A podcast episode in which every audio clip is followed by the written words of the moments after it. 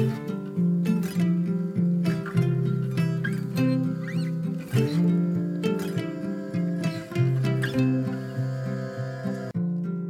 och välkommen till For Health med Anna Sparre. Här ska vi prata hormonella obalanser i ett avsnitt som är helt baserat på olika lyssnarfrågor som kommit in. Vi pratar om hur man balanserar sina hormoner och signalsubstanser och kommer in på saker som klimakteriet och förklimakteriet, endometrios, utebliven mens och hormonell migrän i dagens spännande avsnitt med Mia Lundin. Vi pratar mat, stress, tillskott, hormonpreparat och till och med om saker som till exempel ADHD. Och som vanligt kommer vi in på sköldkörteln och binjurarna. Det rasade in massor med lyssnarfrågor inför det här avsnittet och här är resultatet. Vi kör hormonsommar i podden med podcastavsnitt varje vecka. Du får 400 kronor rabatt med koden SPARRE på getacetrack.com. AceTrack från Diversify är utandningsmätaren som hjälper dig att förstå din fettförbränning och metabolism och mäter dina ketoner. Som lyssnare får du hela 20% rabatt på hela sortimentet på nyttoteket.se med koden SPARRE20. Hos Nyttoteket kan du bland annat köpa bärpulver, kollagen, benbuljong i form av real broth och MCT-olja, helt utan onödiga tillsatser. Jag finns på facebook.com forhealth.se och på Instagram som asparre. På forhealth.se böcker hittar du mina e-böcker på forhealth.se kan du anmäla dig till nyhetsbrevet som kommer ungefär en gång per månad och du kan även gå min distanskurs om du vill få grunderna kring kost, hälsa och viktnormalisering. Och så kan du boka mig som föreläsare, både online och på plats. Jag är så tacksam om du hjälper till att hålla podden levande genom att dela med dig av avsnittet i en Facebookgrupp, på Instagram och till vänner. Bara att gilla inläggen när de fladdrar förbi i sociala medier hjälper massor. Och gå gärna in och lämna en recension av podcasten i iTunes. Det hjälper oerhört mycket och jag läser alla. Tusen tack! God morgon Mia! God morgon! Jätteroligt att du är tillbaka Mia för tredje gången. Ja, det är jättekul att få vara med. Så kul att bli intervjuad av Anna. Berätta vad som har hänt sedan du var med sist i avsnitt 94 då när vi pratade om stress, binjurar och sköldkörteln. Jag har glada nyheter. Att eh, jag tillsammans med ett team av väldigt, väldigt duktiga tjejer håller på att eh, utveckla en klinik och försöka etablera en klinik i Stockholm där man behandlar hormonella och näringsmässiga, näringsmässiga obalanser. Uh, och målet är då på att sikt kanske etablera kliniker runt om i Sverige, men vi är inte där riktigt än. Jättespännande! Gud så kul och vad bra! Eh, många av frågorna vi har fått in till dagens avsnitt handlar faktiskt om var får jag hjälp? Ja, precis. Och det är det som jag börjar känna också under mina föredrag och um, det arbete som jag har gjort i Sverige. att Okej, okay, det där var intressant, uh, vad går jag nu då? Och sen så har man ingen som man kan skicka de här stackars kvinnorna till där man kan få hjälp, där, man, där det finns mer, där man uh, arbetar mer med en helhetssyn på kvinnohälsa och inte bara tittar på små områden av ens um, um, kropp eller funktion eller symptom utan man tittar på helheten och det är det som jag försöker uh, att då utveckla en klinik som gör det. Jag är så glad att jag än så länge endast då är 36 år, så att lagom tills jag behöver din hjälp så finns kliniker sä sä säkert även i Skåne. Ja, förhoppningsvis innan, innan jag går runt med en rullator också. Vilket jag aldrig kommer att göra, men man vet, man vet aldrig. Vi har ju döpt dagens avsnitt till hormonell obalans och samlat in alla möjliga frågor från lyssnarna. Och det är jättebra frågor som vi har fått in, så det ska bli så spännande verkligen. Ja, det tycker jag, jag tycker det är så kul också att svara på frågor. Jag önskar vi hade en podd där du och jag bara kan sitta och svara på frågor um, en gång i veckan. Det var jättekul. ja, ja, men det precis. Det får vara en framtidsplan. Ja. Och jag ska också nämna att vi har fått in jättemycket fantastiska kommentarer som vi inte kommer hinna läsa upp som beskriver hur mycket hjälp alla har fått av poddarna, av dig och din bok. Och... Vad kul! Gud vad kul! Jag tänkte vi kastar oss in i, i lyssnarfrågorna och först och främst så vill jag ta upp ett par uppföljningsfrågor från tidigare avsnitt.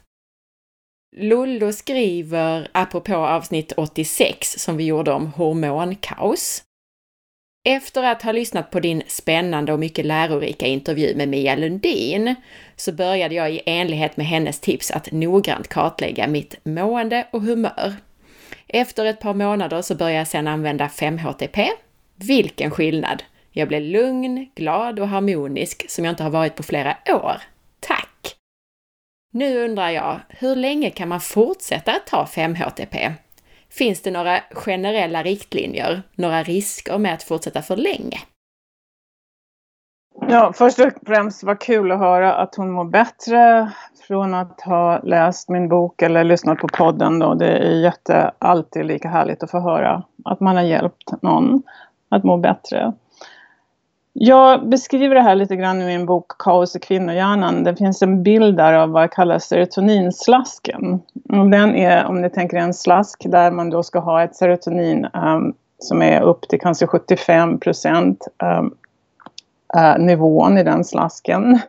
Och eh, för att man ska må bra, och känna sig harmonisk och lugn och tillfreds och då för att behålla den där nivån runt där kanske 75 procent um, så måste man konstant fylla på samtidigt som det då åker ut i avloppet. Och ju mer stress du har, ju fortare åker det ut. Så det har mycket att göra med, jag får ofta den frågan, hur länge ska jag hålla på med 5-HTP och kan jag göra det för länge? Och grejen är att så länge du behöver det kan du fylla på. Men är det så att du börjar fylla på, du börjar känna dig lugnare, mer harmonisk, avloppet blir mindre och därför åker det inte ut lika fort. Då kanske man inte behöver fylla på längre. Så man kanske slutar, man kanske använder det några månader, och börjar känna sig lugn och harmonisk och nu så känner man inte av stressen på samma sätt och därför åker det inte ut lika fort. Men efter ett tag kanske man börjar känna att man börjar bli orolig, kan inte sova, lite smånervös och tycker att kanske dags att fylla på igen. Så symptomen om man börjar fylla på för mycket och börjar flöda över i den här äh, serotoninslasken då, då börjar man känna sig mera mm, likgiltig och man har ingen oro och ångest längre utan man börjar känna sig mera mm, likgiltig, kanske inte har lika bra fokus, känna sig lite mera flat kanske emotionellt. Och då är det dags att, att sluta ett tag. Vi har en annan fråga på nästa avsnitt som vi gjorde och det är Kristin som skriver då apropå avsnitt 94.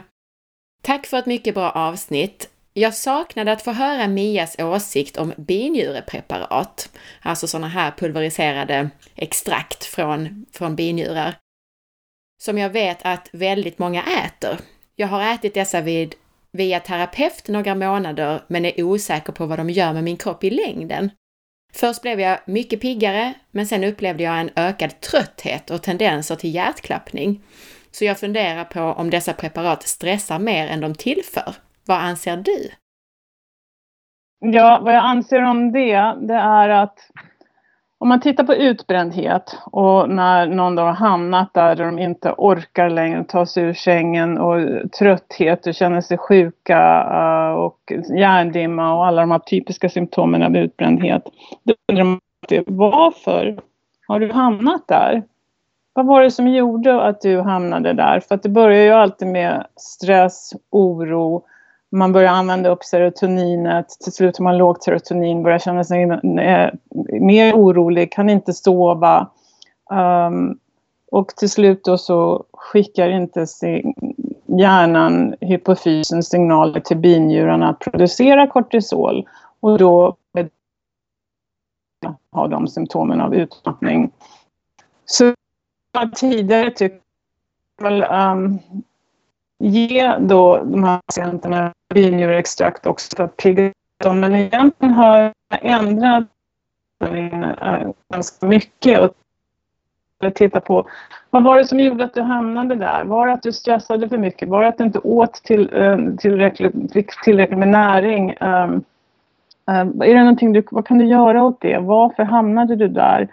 Och många gånger måste man hitta lugnet först. Man måste börja fylla på serotonintanken, börja ta lite kosttillskott, B-vitamin, magnesium, äta eh, rätt mat som ger dig den kosten du behöver för att kroppen ska kunna fungera. Och eh, när man gör, det måste man göra först. Bromspedalen först. Hitta lugnet, hitt, sov på natten, vila och då när man gör det och sakta då kommer serotoninet tillbaks och fylls upp i den här serotonintanken så kommer binjurarna tillbaks av sig själv, själva. Men är det så att man börjar trycka på gasen innan man är riktigt färdig och redo för det, då kommer de här typiska symptomen av hjärtklappning och oro om man tar de här preparaten. Så ibland använder jag dem när man har hittat lugnet, när man har fyllt på serotoninet och när man då uh, är redo för en lite gaspedal. Så att det är väldigt viktigt att veta och är det så att man har hypotyreos Så igen, det är väldigt viktigt att titta på varför man hamnade där och blev utmattad och man måste titta på de orsakerna och uh, jobba med dem samtidigt som man fyller på serotoninet så att uh, man känner sig lugn och harmonisk och när man gör det och har bromsat ett tag och vilat då kanske man kan använda lite sådana här adrenal cortex eller eh, uh, sådana preparat. Men gör man det för tidigt så kan man bli orolig och få hjärtklappning och bli nervös. Och jag tycker lite grann att det knyter an till det vi pratade om i det avsnittet, nämligen att ta då Levaxin, alltså att ta sköldkörtelhormoner när, man, när kroppen egentligen behöver vila. Ja. Alltså det här är lite grann samma sak kanske som du förklarar på. Ja, precis. Jag tror att det är många kvinnor uh, och män också som uh, mår dåligt, är trötta för att de är utmattade och det enda man har tillgång till i den traditionella sjukvården då är sköldkörtelhormoner. Man tror att om jag får lite Levaxin så kanske jag mår bättre. Och det är samma sak där. Är det verkligen inte så att det är problem med sköldkörteln utan istället att du är utbränd så tolererar man inte Levaxinet utan då får man istället, oh, man kanske känner sig lite piggare men samtidigt får man där hjärtklappning, svårt att ta djupa andetag, hjärnan snurrar och man har svårt att sova på kvällen och, och, det är inte riktigt det man vill heller. Så alltid, alltid bromspedalen först. Hitta lugnet, sov, vila, ta hand om din kropp, ät um, mat, uh, näringsmässig mat och, och allt det där. Och sen, om man fortfarande då är trött, kan man ju gå och eh, kolla TSH-fritt, T3-fritt, T4 är verkligen onormalt, eller, eh, onormala värden. Då kan man ju tillsätta rollervaccin. Men man måste alltid bromsa först och hitta lugnet först, annars får man biverkningar. Jag tänkte att vi ska rulla in och prata om klimakteriet som vi har pratat en hel del om i ett tidigare avsnitt, men vi fick många bra lyssnarfrågor tycker jag. Maria hon skriver Flera kvinnor i släkten har kommit in i klimakteriet före mig och har haft stora problem med vallningar med mera. Bland annat min stora syster som lider sig igenom detta nu. Åldersmässigt så är jag på väg, menscykeln är lite kortare, men än har jag inga större känningar jag kan härleda till klimakteriet. Hur kan jag på bästa sätt förebygga klimakterieproblem generellt? Och vilka symptom ska jag titta efter? Ibland känns det som att man ska köpa progesteronkräm och smörja för säkerhets skull? Ja, det är en jättebra fråga och eh, svaret på den frågan finns i min bok då, Mat för hormonell balans. För att det är precis vad jag pratar om där. att hur tar du hand om din kropp och ger den vad den behöver så att dina hormoner fungerar så länge som möjligt? Eh, ger du kroppen rätt näring för att producera hormoner, för att producera signalsubstanser så du håller dig lugn och mår bra. För att ju längre du, håller dig, du mår bra och ger kroppen vad den behöver, ju längre kommer dina hormoner att fungera. um, som till exempel hypofysen då som styr ditt hormonella system är superkänsligt för stress.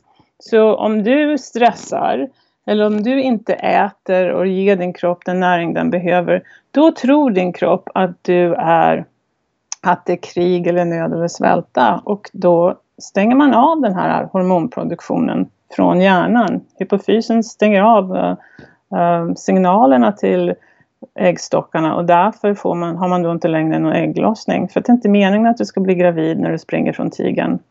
Så ju mer du, du jobbar med dig själv med din stressnivå, näringen uh, och maten, ju längre kommer hormonerna att fungera som de ska. Men det kommer ju en dag då vi inte har några ägg längre och inte kommer att producera östrogen uh, längre och då, då måste vi ersätta det om vi tror på att ersätta hormoner med biodenska hormoner. Men det är den här tiden innan innan klimakteriet och som heter förklimakteriet. Och mer stressad du är, ju värre kommer de symptomen att vara. För satt vi på en öde ö någonstans och vilade och eh, hade det jättelugnt och skönt och satt i solen och fick god mat och lekte med barnen och barnbarnen. Då skulle inte vi ha något problem med förklimakteriet tror jag. Då skulle mensen bara sakta men säkert försvinna. Och eh, man skulle inte ha så mycket problem med den här övergångsåldern. Men med, ju mer stress man har, ju mer problem får man då i förklimakteriet. Och i förklimakteriet då är man ju östrogen, ofta östrogendominant. Eh, östrogenet och i, i förhållande till progesteronet är för högt. Man blir orolig, irriterad, får uh, oregelbunden mens, um, tyngre mens. Och um, då eh, är det väldigt bra att använda lite progesteronkräm för att det är viktigt att komma in med rätt hormon vid rätt tidpunkt. Så i förklimakteriet då har du tillräckligt med östrogen, till och med för mycket, men du saknar tillräckligt med progesteron. Så att då kan man balansera ut det med progesteronkräm och sen då kommer en vacker dag när du behöver lägga till östrogen också, när du har kommit in i klimakteriet. Så att jag tycker det är bra att veta. Det är bra att veta vad symptomen är i förklimakteriet och hur man kan balansera sina hormoner för att inte ha så mycket symptom. Och det är spännande det du säger att det som minimerar symptomen är att man tar hand om sin kropp, man äter bra och stressar mindre. Och jag känner igen Maria just som skrev den här kommentaren är en trogen lyssnare och jag är ganska övertygad om att hon äter en väldigt god, bra kost. Så jag tänker att det kanske är därför hon har så mycket mindre besvär än sina släktingar. Ja, precis. Och hon är också intresserad av att veta hur gör jag här? hur kan jag på bästa sätt förebygga det här? Och det är väldigt bra att man, att man tittar, in, tittar på det här och, och funderar och lär sig lite grann. Så man inte står där uh, mitt i uh, orkanen helt plötsligt och inte vet var man ska gå, vad man ska göra. Utan man tittar titta på det här i, i förtid och, och, vet vad som kommer att komma, så att säga. Mm. Vi har fler frågor på klimakteriet och vi har Pia som skriver jag har en fråga om man kan kombinera naturligt sköldkörtelhormon, NDT, med östrogenplåster som till exempel estradot. Om man läser FASS så ska man vara försiktig med denna kombination och Levaxin. Men det är svårt när man kommer in i klimakteriet. Jag kan inte ens fatta att det står något sånt i fast, det är helt otroligt. Det är klart att man behöver båda hormonerna när man är ja, hypotyreos och går in i klimakteriet, absolut. Jag har aldrig hört talas om något liknande. Och givetvis um, behöver man ersätta båda. Men vad som är viktigt att komma ihåg då är att både östrogen och uh, sköldkörtelhormonerna tävlar för samma receptor. Så att det är väldigt viktigt att samma person kanske behandlar en kvinna i klimakteriet som också behandlar den, uh, samma person som behandlar klimakteriet uh, också behandlar sköldkörtelproblematiken. För att man måste titta på uh, östrogenvärdet då samtidigt som man kollar sköldkörtelhormonerna för att det kommer att förändras när du börjar ta östrogen. Svaret på den frågan är absolut, du behöver båda och det finns ingen anledning att man ska eh, inte kunna använda den ena eller den andra samtidigt med varandra. Stinta skriver, kan man ha tecken på lågt östrogen fast man är överviktig, men ändå inte ha det så att säga? Hur vet man skillnaden? Hängde du med i frågan? ja, det var lite knepig. Uh, uh, antar hon då att man inte kan va, ha lågt östrogen när man är överviktig eller? Ja, jag uppfattar frågan så ja, för eftersom, eh, då kan vi ju säga det att östrogen produceras ju av fettvävnaden också. Ja, till viss del alltså för att uh, östrogenet tillverkas ju preliminärt av, av äggstockarna. Mm. Men sen man går igenom klimakteriet så kommer också vissa binjurhormon att konvertera till östrogen i fettvävnaden. Så det är sant att kvinnor som är lite överviktigare, överviktiga har mindre problem ofta när de går igenom klimakteriet för att de får den där extra dosen av östrogen från fettvävnaden. Men absolut kan man hamna där man inte har tillräckligt med östrogen för att det där östrogen man får från fettvävnaden är inte tillräckligt för att kunna hålla signalsubstanserna balanserade och äh, äh, att se till att du mår bra många gånger. Så typiska symptom, de typiska typiska symptomen av östro, lågt östrogen som man då inte har i förklimakteriet när östrogenet är högt är att man får den här gråtmildheten, känner sig ledsen, klumpen i halsen, omotiverad och låg och känner inte att saker och ting är lika kul som de brukade vara. De är typiska symptom av lågt östrogen. Petra frågar, stämmer det att man bara får ta östrogen i fem år på grund av bröstcancerrisken? Eller är det annorlunda om det är bioidentiskt östrogen? Ja, först och främst så uh, visar det sig nu att östrogen ökar inte risken av bröstcancer. Um, så det är inte... Det, det, trodde man ju tidigare men det visar sig nu att det är det syntetiska progesteronet som ökar risken för bröstcancer. Uh, så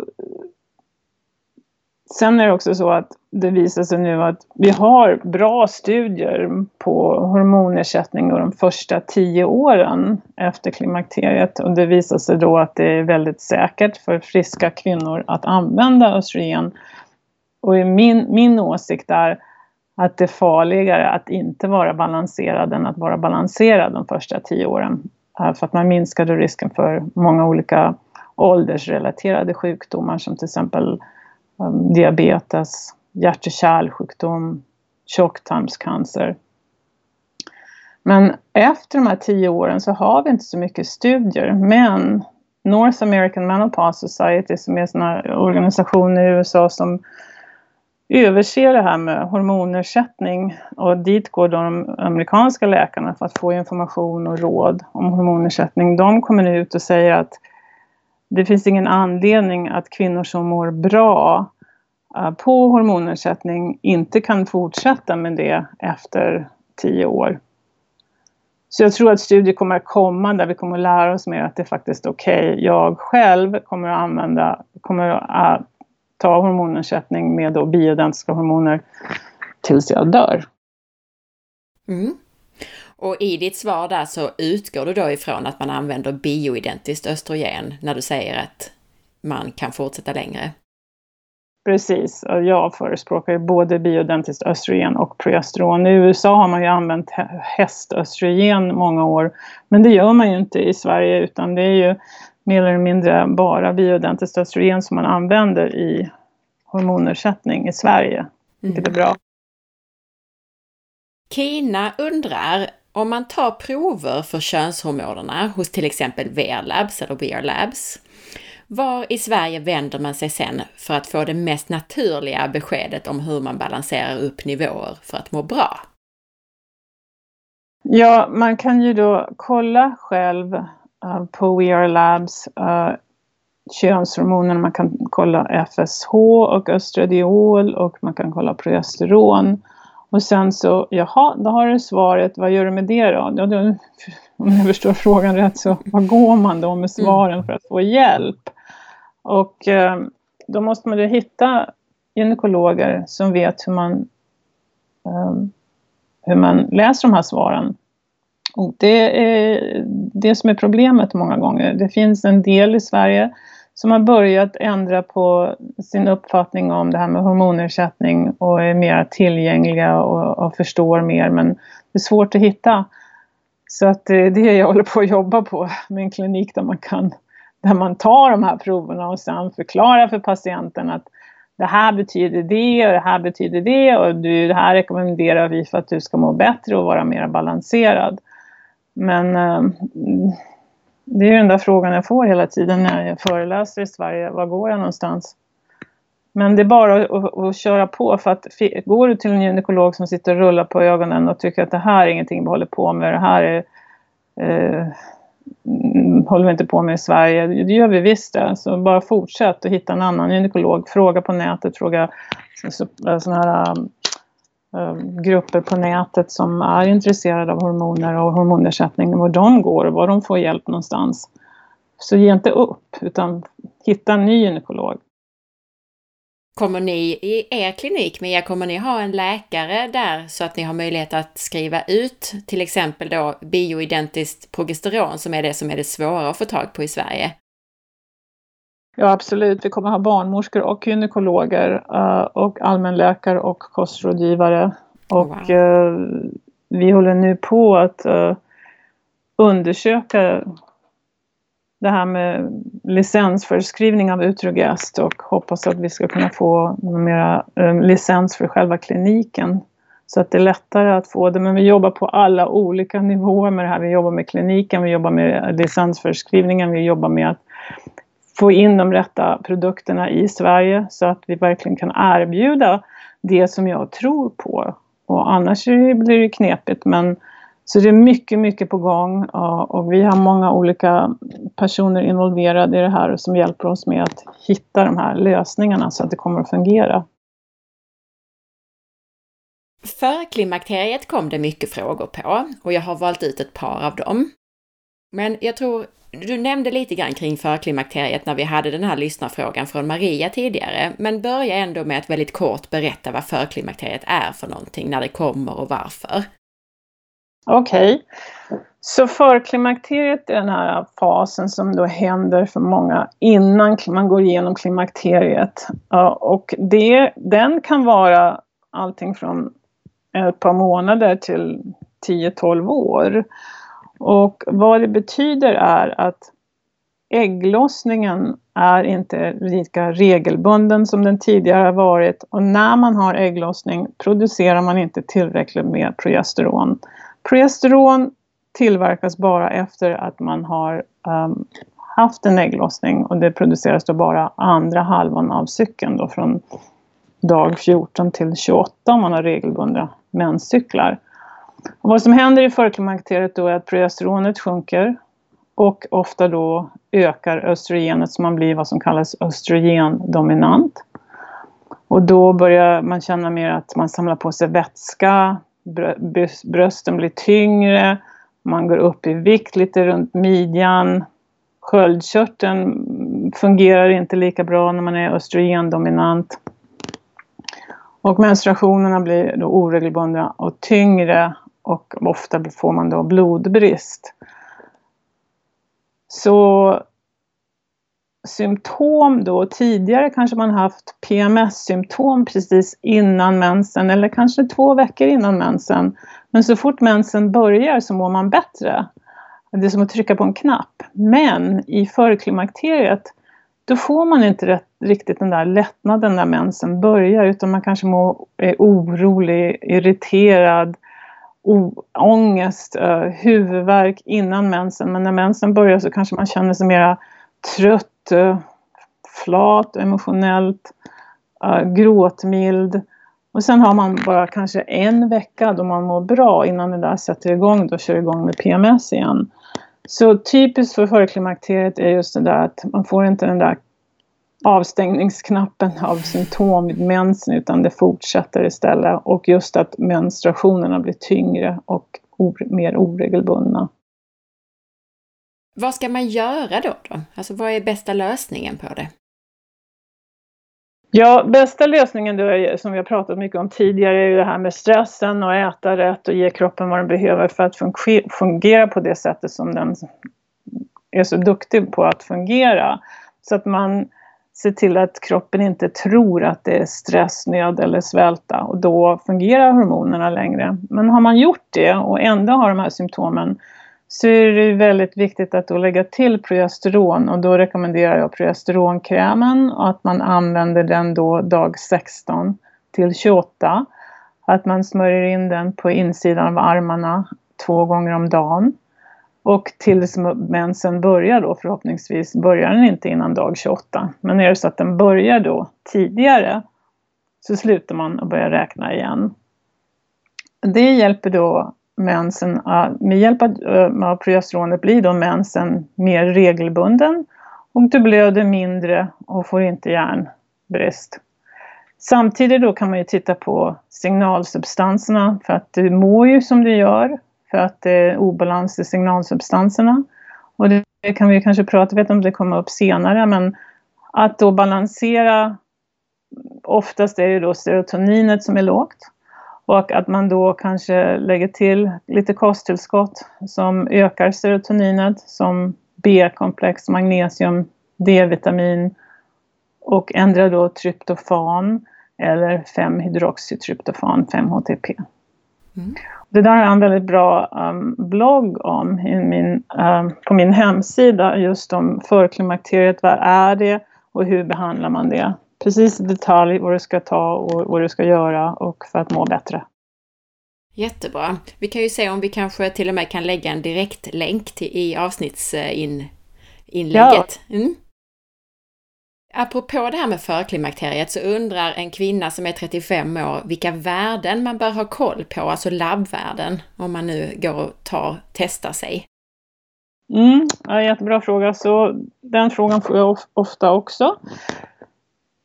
Vad man gör är att man dag tre till fem av mensen, så den tredje, fjärde eller femte dagen av mensen eh, beställer man det här blodprovet som heter FSH, Fredrik Sixten Harald och östradiol. Och då kollar man de två värdena tillsammans och när man då börjar komma upp i, in i förklimakteriet så börjar då, kan man se att det här FSH-värdet börjar ö, sakta öka. Men östrogenvärdet är också normalt eller högt.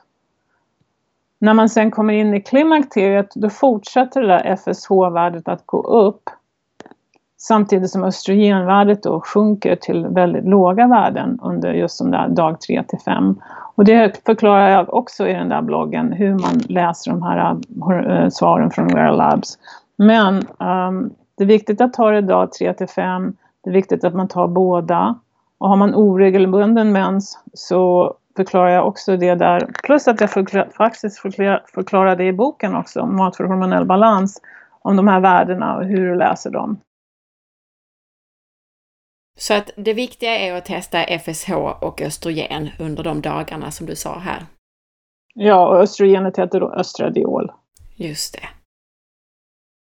Och här har vi en annan lyssnare som apropå förklimakteriet undrar i vilken ordning man bör behandlas när hela den här OAT-axeln, alltså vi pratar ovaries, adrenals och thyroid, alltså eh, äggstockar, binjurar och sköldkörtel. När hela den här axeln är ur led och man mer eller mindre har alla symptom, allt hänger ju ihop. Var börjar man?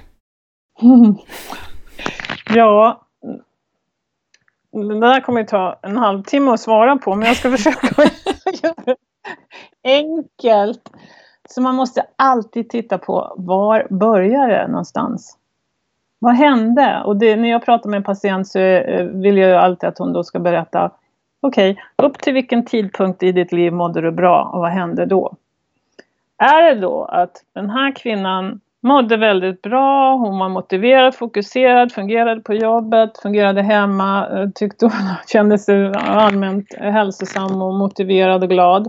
Och sen helt plötsligt så börjar mensen försvinna och nu hon, är hon kanske då 50 och har hamnat i klimakteriet.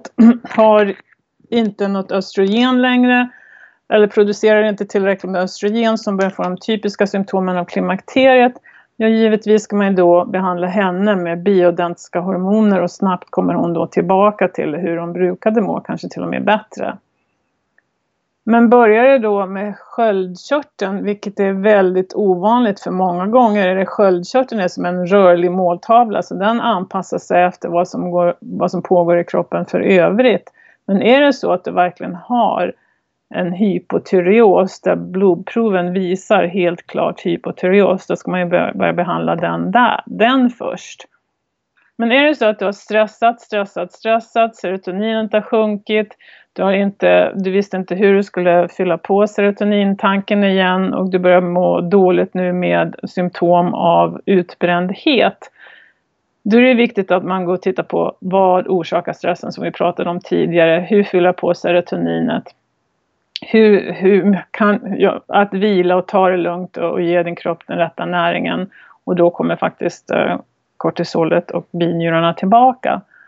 Men som jag sa, sköldkörteln i mitten av det där är väldigt knepigt för den kommer att anpassa sig efter vad som pågår i resten av din kropp.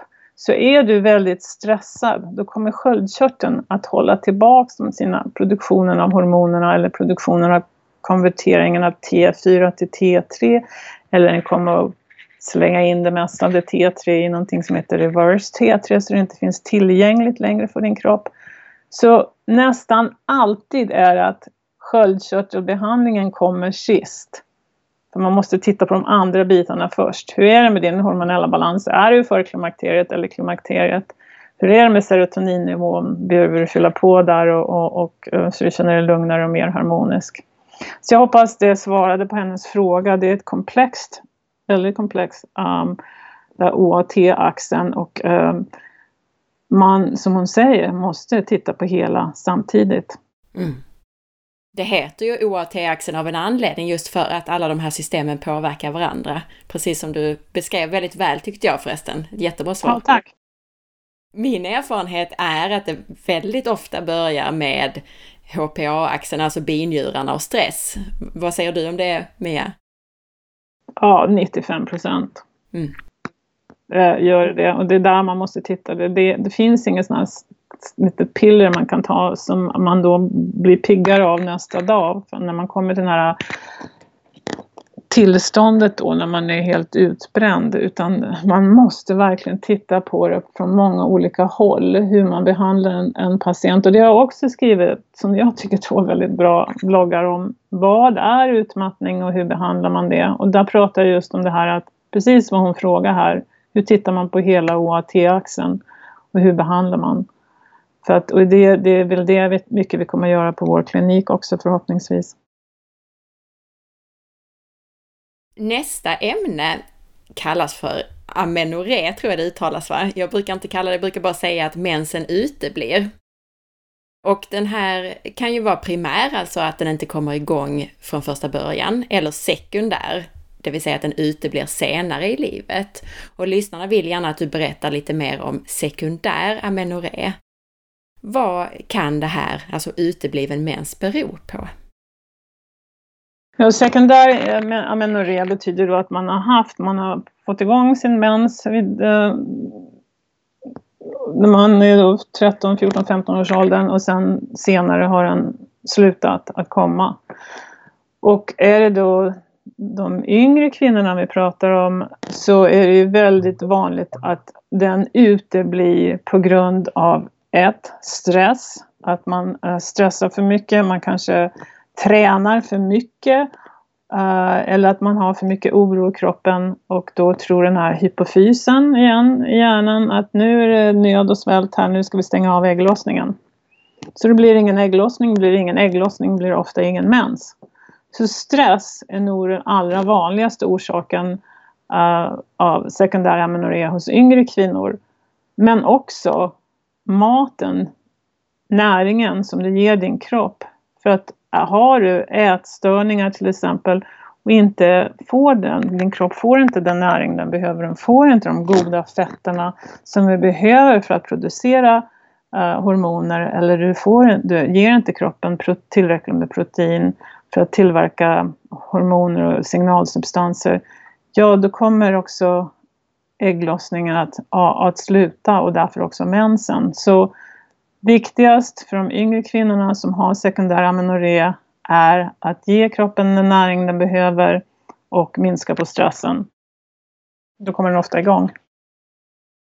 Och jag har också erfarenhet av just det där att om man ändrar kosten och ökar fettet i kosten så eh, är det ofta att mensen kommer igång igen.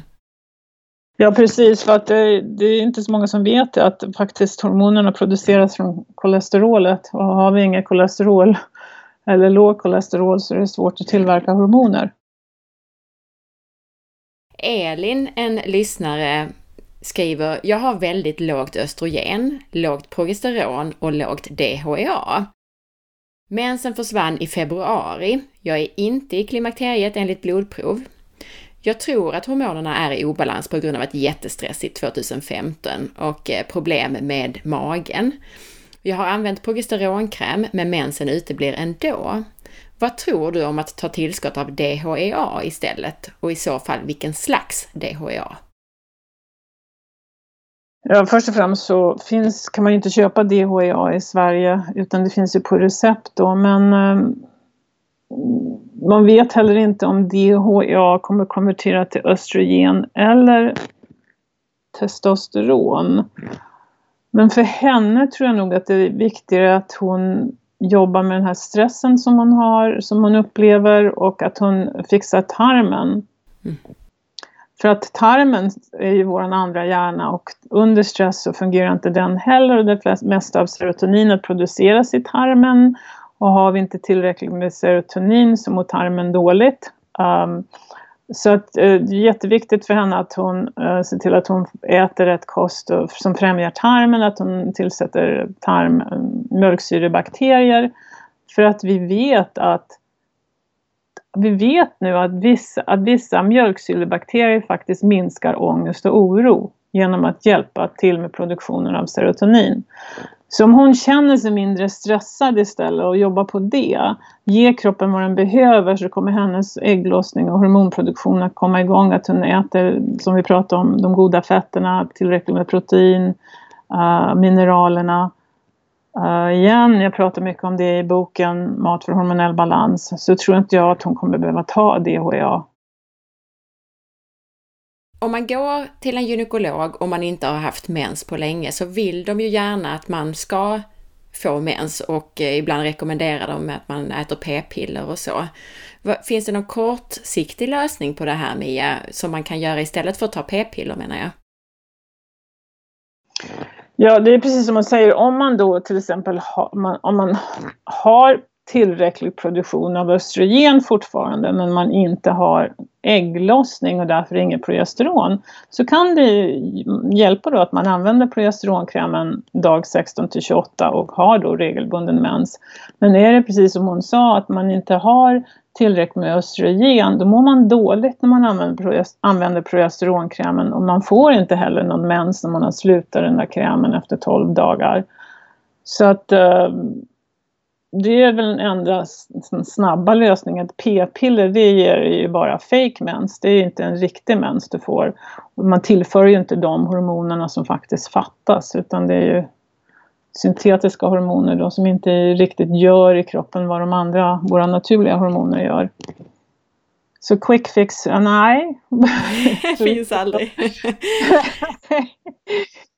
Men vi, vi kanske ska förklara varför alltså gynekologer vill att man ska ha mens. Det har väl lite grann med slemhinna och cancerrisk och så att göra, eller vad säger du Mia?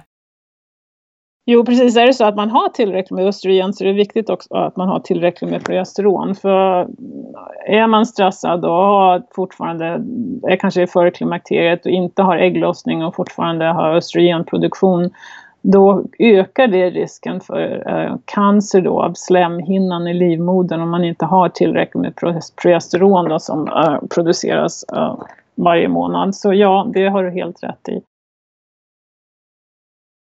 Vi pratar lite om endometrios. Kan du berätta lite om vad detta är för någonting? Ja, endometrios. Först och främst är jag inte en endometriosspecialist, men jag kan berätta hur jag har behandlat endometrios i min klinik i, i USA. Och eh, endometrios då, det är ju när slemhinnan i livmodern, livmodersväggen, ehm, växer på andra ställen utanför livmodern och det kan ju vara på många olika ställen. Det kan vara på äggstockarna, det kan vara i bukhinnan, tarmarna, kan även faktiskt hamna på hjärnan. Så den här äh, slemhinnan då reagerar ju precis på likadant sätt ute i kroppen som den gör i livmodern, att den då blöder månatligt. Och när den blöder då på andra ställen ute i kroppen så orsakar ju det irritation um, och um, att man får ont eller um, man mår dåligt. Och endometrios är ju i sig själv en inflammatorisk sjukdom så att jag tror um, att genom att minska inflammationen i kroppen då, att äta sån kost som minskar inflammationen, vilket jag också pratar om i min bok, um, så minskar man den generella inflammationen i kroppen men sen också att använda bioidentiskt progesteron har visat sig vara väldigt eh, bra och har hjälpt många av mina patienter. För att först och främst då så balanserar östrogenet, östrogen, förlåt, först och främst så balanserar progesteronet östrogenet så du inte är östrogendominant.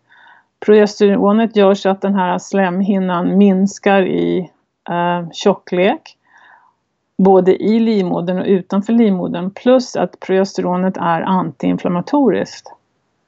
Så genom då cyklisk, behand cyklisk behandling av progesteron och i USA då, då använder jag faktiskt ofta oralt. Progesteron då Utrogest om man nu använder här i klimakteriet. Cykliskt um, 200 milligram två gånger om dagen, dag, dag 16 till 28 och de här kvinnorna hade då betydligt mindre um, nu kommer jag inte ihåg vad pain heter det plötsligt på svenska. Smärta. Smärta, tack! smärta. Uh, och um, hade då regelbunden mens med mindre smärta. Jättefint! Och jag tror att du besvarade nog lyssnarfrågorna här, för de undrade lite grann om kopplingen till kosten och eh, också hur man balanserar kroppen med bioidentiskt progesteron. Men vi kan ju kanske förtydliga lite där med kosten, för du sa det, en antiinflammatorisk kost. Vad är huvudriktlinjerna i en antiinflammatorisk kost? Ja, först och främst ta bort sånt som orsakar inflammation som socker, gluten och, och, och för vissa då, mjölkprodukter också. Men sen att äta som kost som är antiinflammatorisk som um, omega-3, fisk, fiskolja, uh, mycket fisk, gurkmeja, och, och, liknande för att minska inflammationen i kroppen som kanske sitter där och pyr. Mm. Då kör vi nästa område igen och eh, här har vi många som undrar över hormonell migrän eller hormonell huvudvärk. Vill du berätta lite om vad det är Mia? Har du någon erfarenhet av det? Ja, jag har ju träffat många tusentals kvinnor som har haft hormonell migrän. Och vad jag har sett och lärt mig genom att behandla mina patienter är samma sak som med PMS. Att symptomen av PMS och symptomen då som migrän och eh, hormonell migrän är orsakat indirekt av hur hormonerna påverkar signalsubstanserna. Så det är inte själva hormonerna i sig själva som orsakar, eller att de inte är tillräckligt um, mängd eller balans som orsakar huvudvärken eller PMS-symptomen, utan det är hur dina balanserna, signalsubstanserna, hur den är. Så till exempel, som ett exempel, om du hade tillräckligt med serotonin och du hade höga normala värden av serotonin så skulle inte du känna av den här hormonella um, berg och dalbanan som du åker på varje månad när östrogenet går upp och ner och progesteronet ökar och, och minskar. Därför att du, du har tillräckligt med serotonin. Men är det så att ditt serotonin är lågt, då åker det berg och dalbana på de här hormonerna. Som att östrogen vet vi, östrogen ökar mängden av serotonin. Progesteron ökar mängden av serotoninreceptorer i kroppen plus känsligheten för serotoninreceptorerna. Så att indirekt påverkar de som du kan se signalsubstanserna. Så vad jag kommer till här är att om du har hormonell migrän du kan ändra kolla signalsubstanserna och det, eh, det finns olika testkits och jag har några på min hemsida som man kan eh, eh köpa och sen kolla signalsubstanserna och verkligen se hur ligger det till där med serotonin, dopamin, noradrenalin och GABA.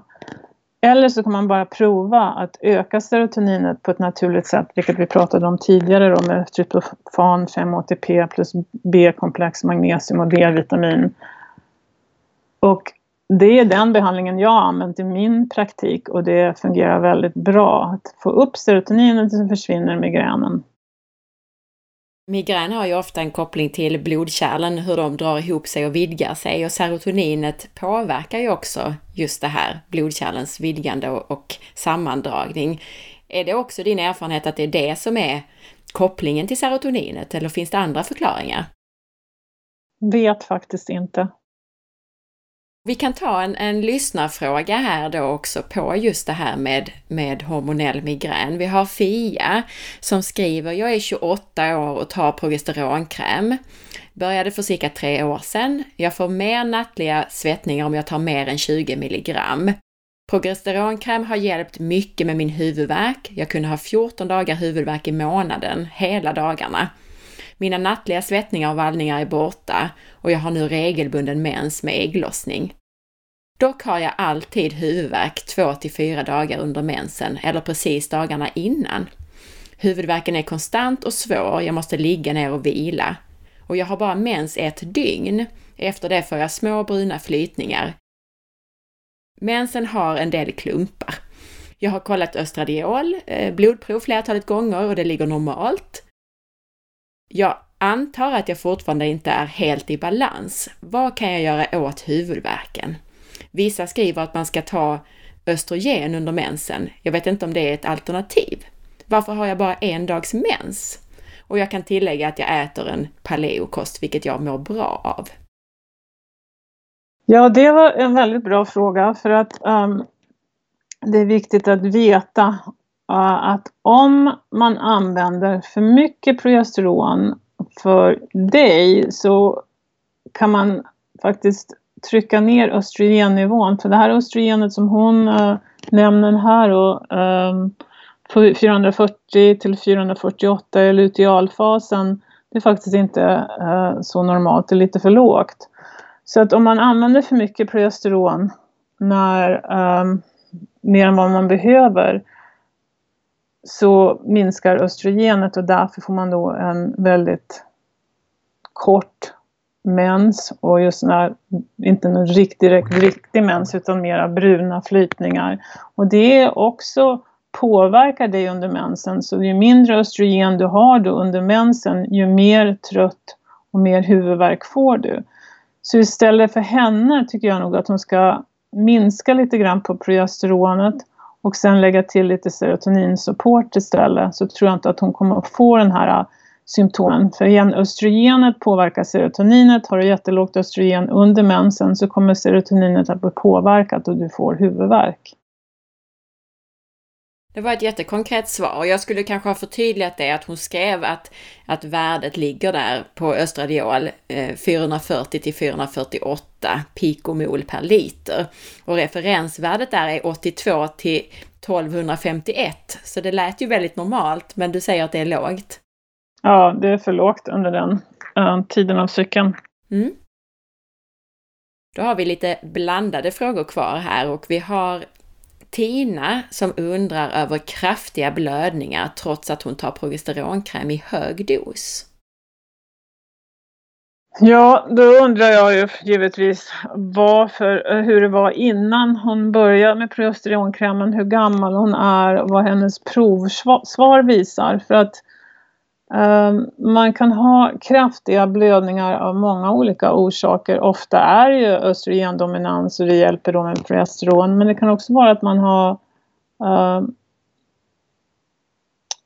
uh, att man har använt för mycket progesteron så man har tunnat ut slemhinnan så man kan blöda från både en tjock slemhinna och en tunn slemhinna. Sen kan det också vara att man har kanske myom.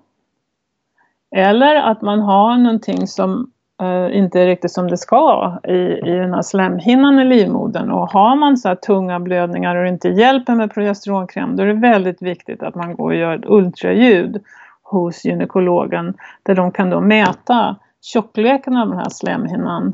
För att det faktiskt finns ökad risk av livmoderslemhinnecancer i förklimakteriet. Och är det så att progesteronet inte hjälper, då är det någonting annat som är på gång. Kanske myom, kanske förtjockad slemhinna. Eller att man kanske måste kolla lite eh, blodvärden och se, har man någon typ av blödarsjuka eller liknande?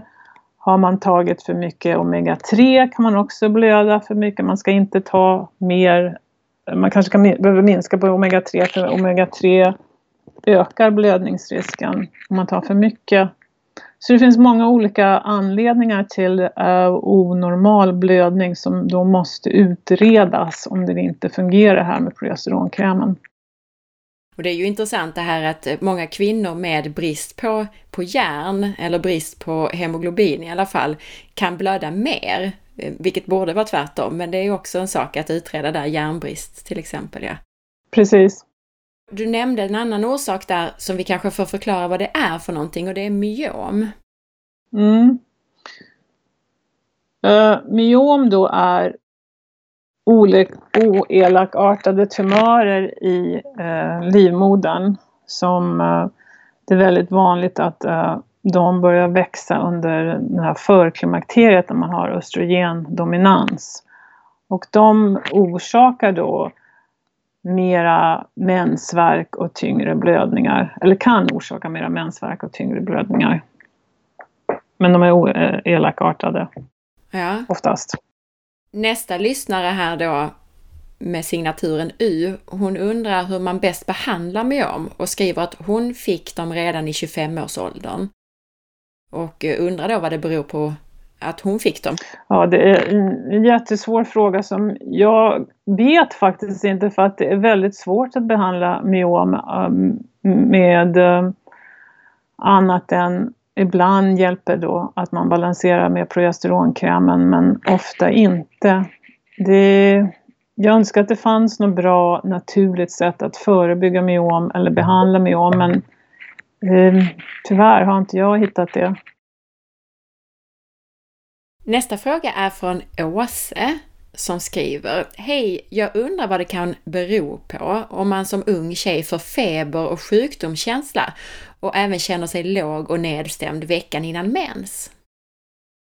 Ja, jag undrar då hur hon mår resten av månaden, om hon är på gränsen till att bli lite utbränd. För är man utbränd och börjar få lågt kortisol, då har man också Eh, kan man ha den där sjukdomskänslan eh, men man blir alltid mera känslig för allting just innan mensen.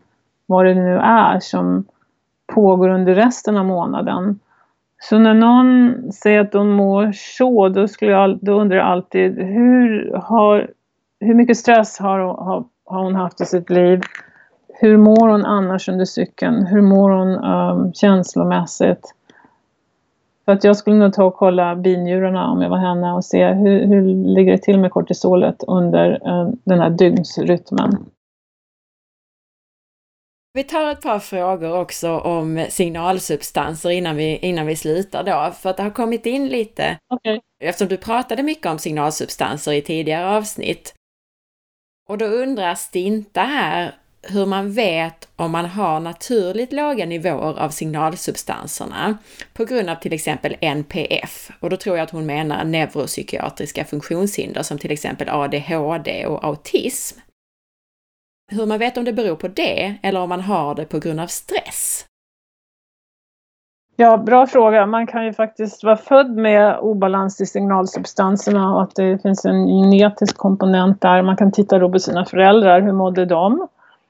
Um, var, var de deprimerade, hade ångest, oro, svårt att sova eller hur självmedicinerade de med mat, alkohol eller inget alls? Man kan få en liten idé där av hur de mådde och vad de hade för problem eller obalanser. Men man mår ju som man gör för att det är en obalans i signalsubstanserna vare sig man är född med det eller från stress eller dålig kost har då utvecklat en obalans. Så att jag tror att jag tror att många gånger det här med ADHD och de här typerna av eh, bokstavsdiagnoser har egentligen att göra med en obalans i signalsubstanserna. Som till exempel barn som är oroliga kommer ju inte till dig som småbarn, kommer ju inte till dig och säger Mamma, jag har ångest. Jag känner mig väldigt orolig. Utan de, det visar sig mer i fysiska symptom istället. Att man, man inte kan sitta still fokusera, koncentrera sig. Eller att man inte alls kan fokusera. Så att jag tror att många av de här diagnoserna, om man då gjorde signalsubstanstester, skulle se att det finns vissa obalanser som man tidigt skulle kunna behandla med kostrådgivning och kosttillskott för att balansera signalsubstanserna så att de här barnen mår bättre. Vad jag försöker säga är att jag tror många gånger att ADHD är egentligen lågt, kommer från lågt serotonin där barnet helt enkelt känner sig orolig och beter sig på ett visst sätt på grund av det. Mm. Och det är ju intressant, just den kosten som du nämnde för att balansera signalsubstanserna vid stress och så vidare. Alltså att man, man tar bort eh, inflammationsframkallande mat som socker och mjöl och mejeriprodukter och man äter mer fett och grönsaker och så vidare. Det, min erfarenhet är att det är väldigt bra för att minska symptomen, till exempel vid ADHD. Ja, och sen så tror jag också att det är viktigt att barn får tillräckligt med protein för att många gånger får de inte det utan vi äter eh, fast food och eh, eh, mat som inte innehåller så mycket näring. Och givetvis kroppen fungerar inte då och beter sig på alla möjliga konstiga sätt. Men också att man undviker, precis som du sa, inte bara socker och eh, sötsaker men också de här färgämnen och liknande som orsakar reaktion i signalsubstanserna. Och att man främjar tarmen och tarmhälsan också. Jag tror man kan hjälpa väldigt många barn där. Man ser ju nu när man... Det kommer ut så mycket forskning om det microbiomes, de här olika bakterierna i magen och hur fördelaktiga de är. Och man ser att man har nu börjat titta på de olika typerna av microbiomes och hittar då att vissa obalanser faktiskt orsakar autism. Um, så det är väldigt intressant och hur man nu börjar inse att hur de här uh, olika bakterierna påverkar signalsubstanserna och hur du mår. Ja, det är jättehäftigt verkligen. Ja, ja visst är det. Apropå det här med signalsubstanser så skriver eh, Gunilla här, hon undrar Glycin, melatonin, 5-HTP. När ska man använda dem och vilken ska jag välja för att må bra och sova gott? Ja, för att du ska kunna sova så måste du producera melatonin. Melatonin tar man då om man kanske inte har så mycket oro och ångest och liknande utan man har inte svårt att somna för att man är stressad utan mer att man lägger huvudet på kudden och kan bara inte somna. Då kan melatonin hjälpa. Men är det så att du känner dig stressad och orolig, då är det bättre att eh, kanske lägga till då GABA, glycin, 5-HTP, tryptofan um, för att öka serotoninet. Och någonting som är viktigt där när man tar serotoninsupport är att tar du 5-HTP på eftermiddagen när det fortfarande är ljust ute, vilket äh, blir tidigare och tidigare nu i Sverige tyvärr. Men äh, när du tar det när det är ljust ute så konverterar mera, och det kommer ljus in i din pupill efter du har tagit det, så konverterar mera av 5-HTP till serotonin. Men tar du det på kvällen när det är mörkt så konverterar mera till melatonin. Så det är viktigt att veta när man då eh, kanske vill ta 5-HTP för att minska oro och ångest och um, irritation, då är det viktigt att man vet att man tar det vid rätt tidpunkt så man får mer serotonin än melatonin. Nu nämnde du kombinationen glycin och 5-HTP. Hur tar man dem? Ska man helst ha dem separat då så att de inte konkurrerar med varandra, tänker jag? Eller hur gör man det bäst? Faktiskt använder jag inte mycket glycin i min praktik utan jag har mer använt GABA och 5-OTP-kombinationen och GABA då är ju när man, man, när man gör serotonin, eller förlåt, signalsubstanstesten och tittar då på sina olika signalsubstanser och vilken um, obalans man har så ser man ju då ofta då kombinationen lågt GABA, lågt serotonin, högt noradrenalin och eh, om man då tittar på binjurarna kan man ju se både högt kortisol då i början av stress, ehm, um, stress i tid men efter ett tag så sjunker det också. Men att man då oft, alltid börjar med att tillsätta serotonin och GABA. Och GABA använder man ju bara tillfälligt då tills man har fått upp serotoninet. Så det är väldigt viktigt att veta att de som köper um, kosttillskott i min um, webbshop, att de verkligen in, förstår att det är serotoninet du vill ha upp och när du har fått upp serotoninet med hjälp av tryptofan eller 5-ATP så behöver du inte GABAn längre. För GABAn är bara plåster på såren lite grann och hjälper dig att känna, hitta lugnet på en gång när du tar det. Så att du kan ha någonting att använda tills du har fått upp serotoninet. Men sen behöver du inte det eller ska inte hålla på med det under lång tid. För då kan man få biverkningar om man försöker sluta. Eller abstinenssymptom. Om man, om man då tar GABA eller Cavinase länge så kan man få abstinenssymptom när man slutar tvärt och det ska alltid fasas ut. Men om det då fortsätter att uh, eller under tiden har tagit serotoninsupport och fått upp serotoninet så behöver du inte GABA längre. Anledningen att jag frågade kring om man kan ta 5-HTP samtidigt då, som, nu nämnde jag glycin, men om vi tar GABA istället, det är för att vi hade en kanadensisk expert och läkare som är väldigt duktig på just det här med tryptofan och hur det omvandlas till melatonin eh, i ett avsnitt och han berättade att just tryptofan blir så utkonkurrerat av andra aminosyror. Så där får man trixa lite för att få in det i hjärnan så att det bildar serotonin och melatonin. Och då ska man helst äta det separat, inte med måltid och andra proteiner och dessutom med lite grann insulinhöjande mat för att få bästa effekt. Har du någon erfarenhet av den biten? Ja, det är jättebra kommentar faktiskt. Det är bra att du nämnde det för att jag ser det så här att här står en kö av aminosyror och väntar på att gå in genom dörren in till hjärnan. Genom blood-brain barrier. Och då, då, är det en kö av aminosyror och tryptofan hamnar längst bak i den där kön. Och det är som, precis som du säger svårt att få in det i hjärnan. Men 5-hydroxytryptofan, 5-HTP, kommer bara... Eh, de, den har VIP-inträde till hjärnan så det kommer förbi hela kön. Och hej, här är jag, ursäkta men jag ska in här, okej. Okay. Så den kommer in snabbare och fortare och fungerar bättre. Men vad som också är viktigt att veta där är att de som har extremt låga värden av serotonin är också väldigt, väldigt känsliga, stresskänsliga men också känsliga för att komma indundrande då med eh, höga doser av eh, 5-HTP. Det fungerar oftast inte, man tolererar inte det. Så om du har väldigt låga värden av serotonin eller tror att du är väldigt, väldigt känslig och, och vet att jag har nog väldigt låg serotonin så kan det ibland vara fördelaktigt att börja med tryptofan för att vänja kroppen vid att nu kommer lite mer försiktigt här serotonin tillbaka till din kropp. Precis som när man, um, en del som kanske har upplevt att när man börjar med ett SSRI-preparat så är det väldigt viktigt att börja med väldigt låg dos initialt och kanske tillsammans med bensodiazepin eller någonting för att inte känna av den där initiala tröskeln som man måste komma över. Samma sak med naturliga preparat men med mindre biverkningar. Men det är viktigt att veta för er där ute som har försökt att öka serotoninet att ibland om du börjar med 5-HTP och börjar känna den här oro, lite mer ångest så kan du ändra, öppna kapseln och börja med mindre mängd hälla i dig lite vatten. Eller att kanske börja med tryptofan istället och, ta det då vid läggdags för tryptofan är väldigt lugnande. Men igen, det tar lite längre tid att få upp serotoninet med tryptofan men kan vara fördelaktigt att börja med ibland.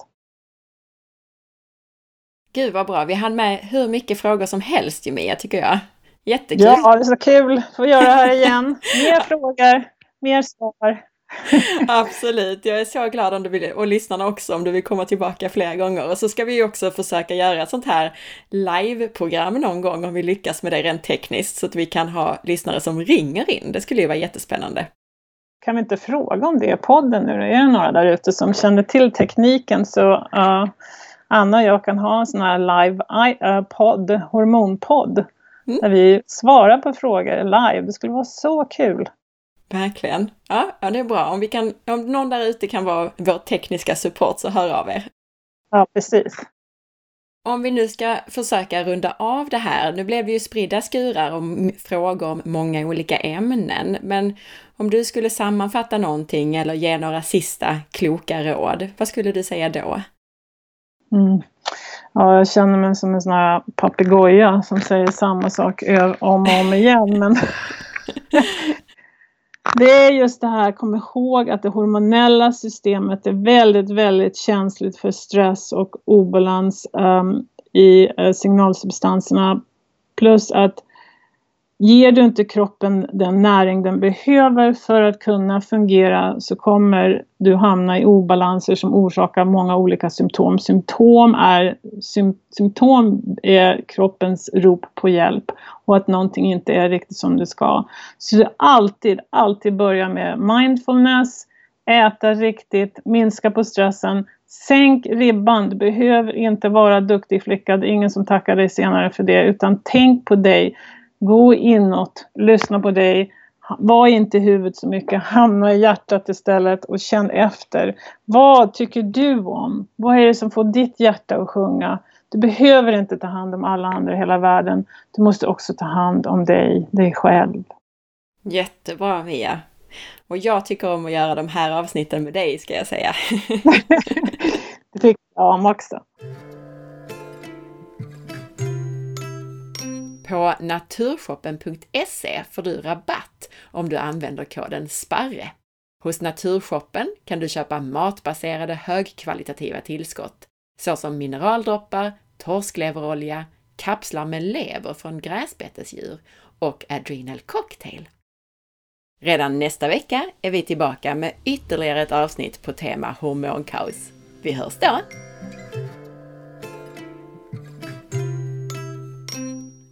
Tack för att du lyssnade! Jag hoppas att du gillade avsnittet. Dela med dig av det så att fler får ta del av den här spännande informationen om hur kroppen fungerar. Är du ny med att lyssna på podden? Missa då inte avsnitt 300 som heter Börja här! Ett avsnitt som guidar dig rätt i kost, hälsa och bland alla de över 300 podcastavsnitten. Följ med på facebook.com forhealth.se där du kan hitta avsnittsinformationen till det här avsnittet som du kan dela och där du flera gånger i veckan hittar nya hälsotips. Följ också mig på Instagram via asparre och titta in på bloggen på forhealth.se. Ha en fantastisk dag! Vi hörs snart igen. Hej då!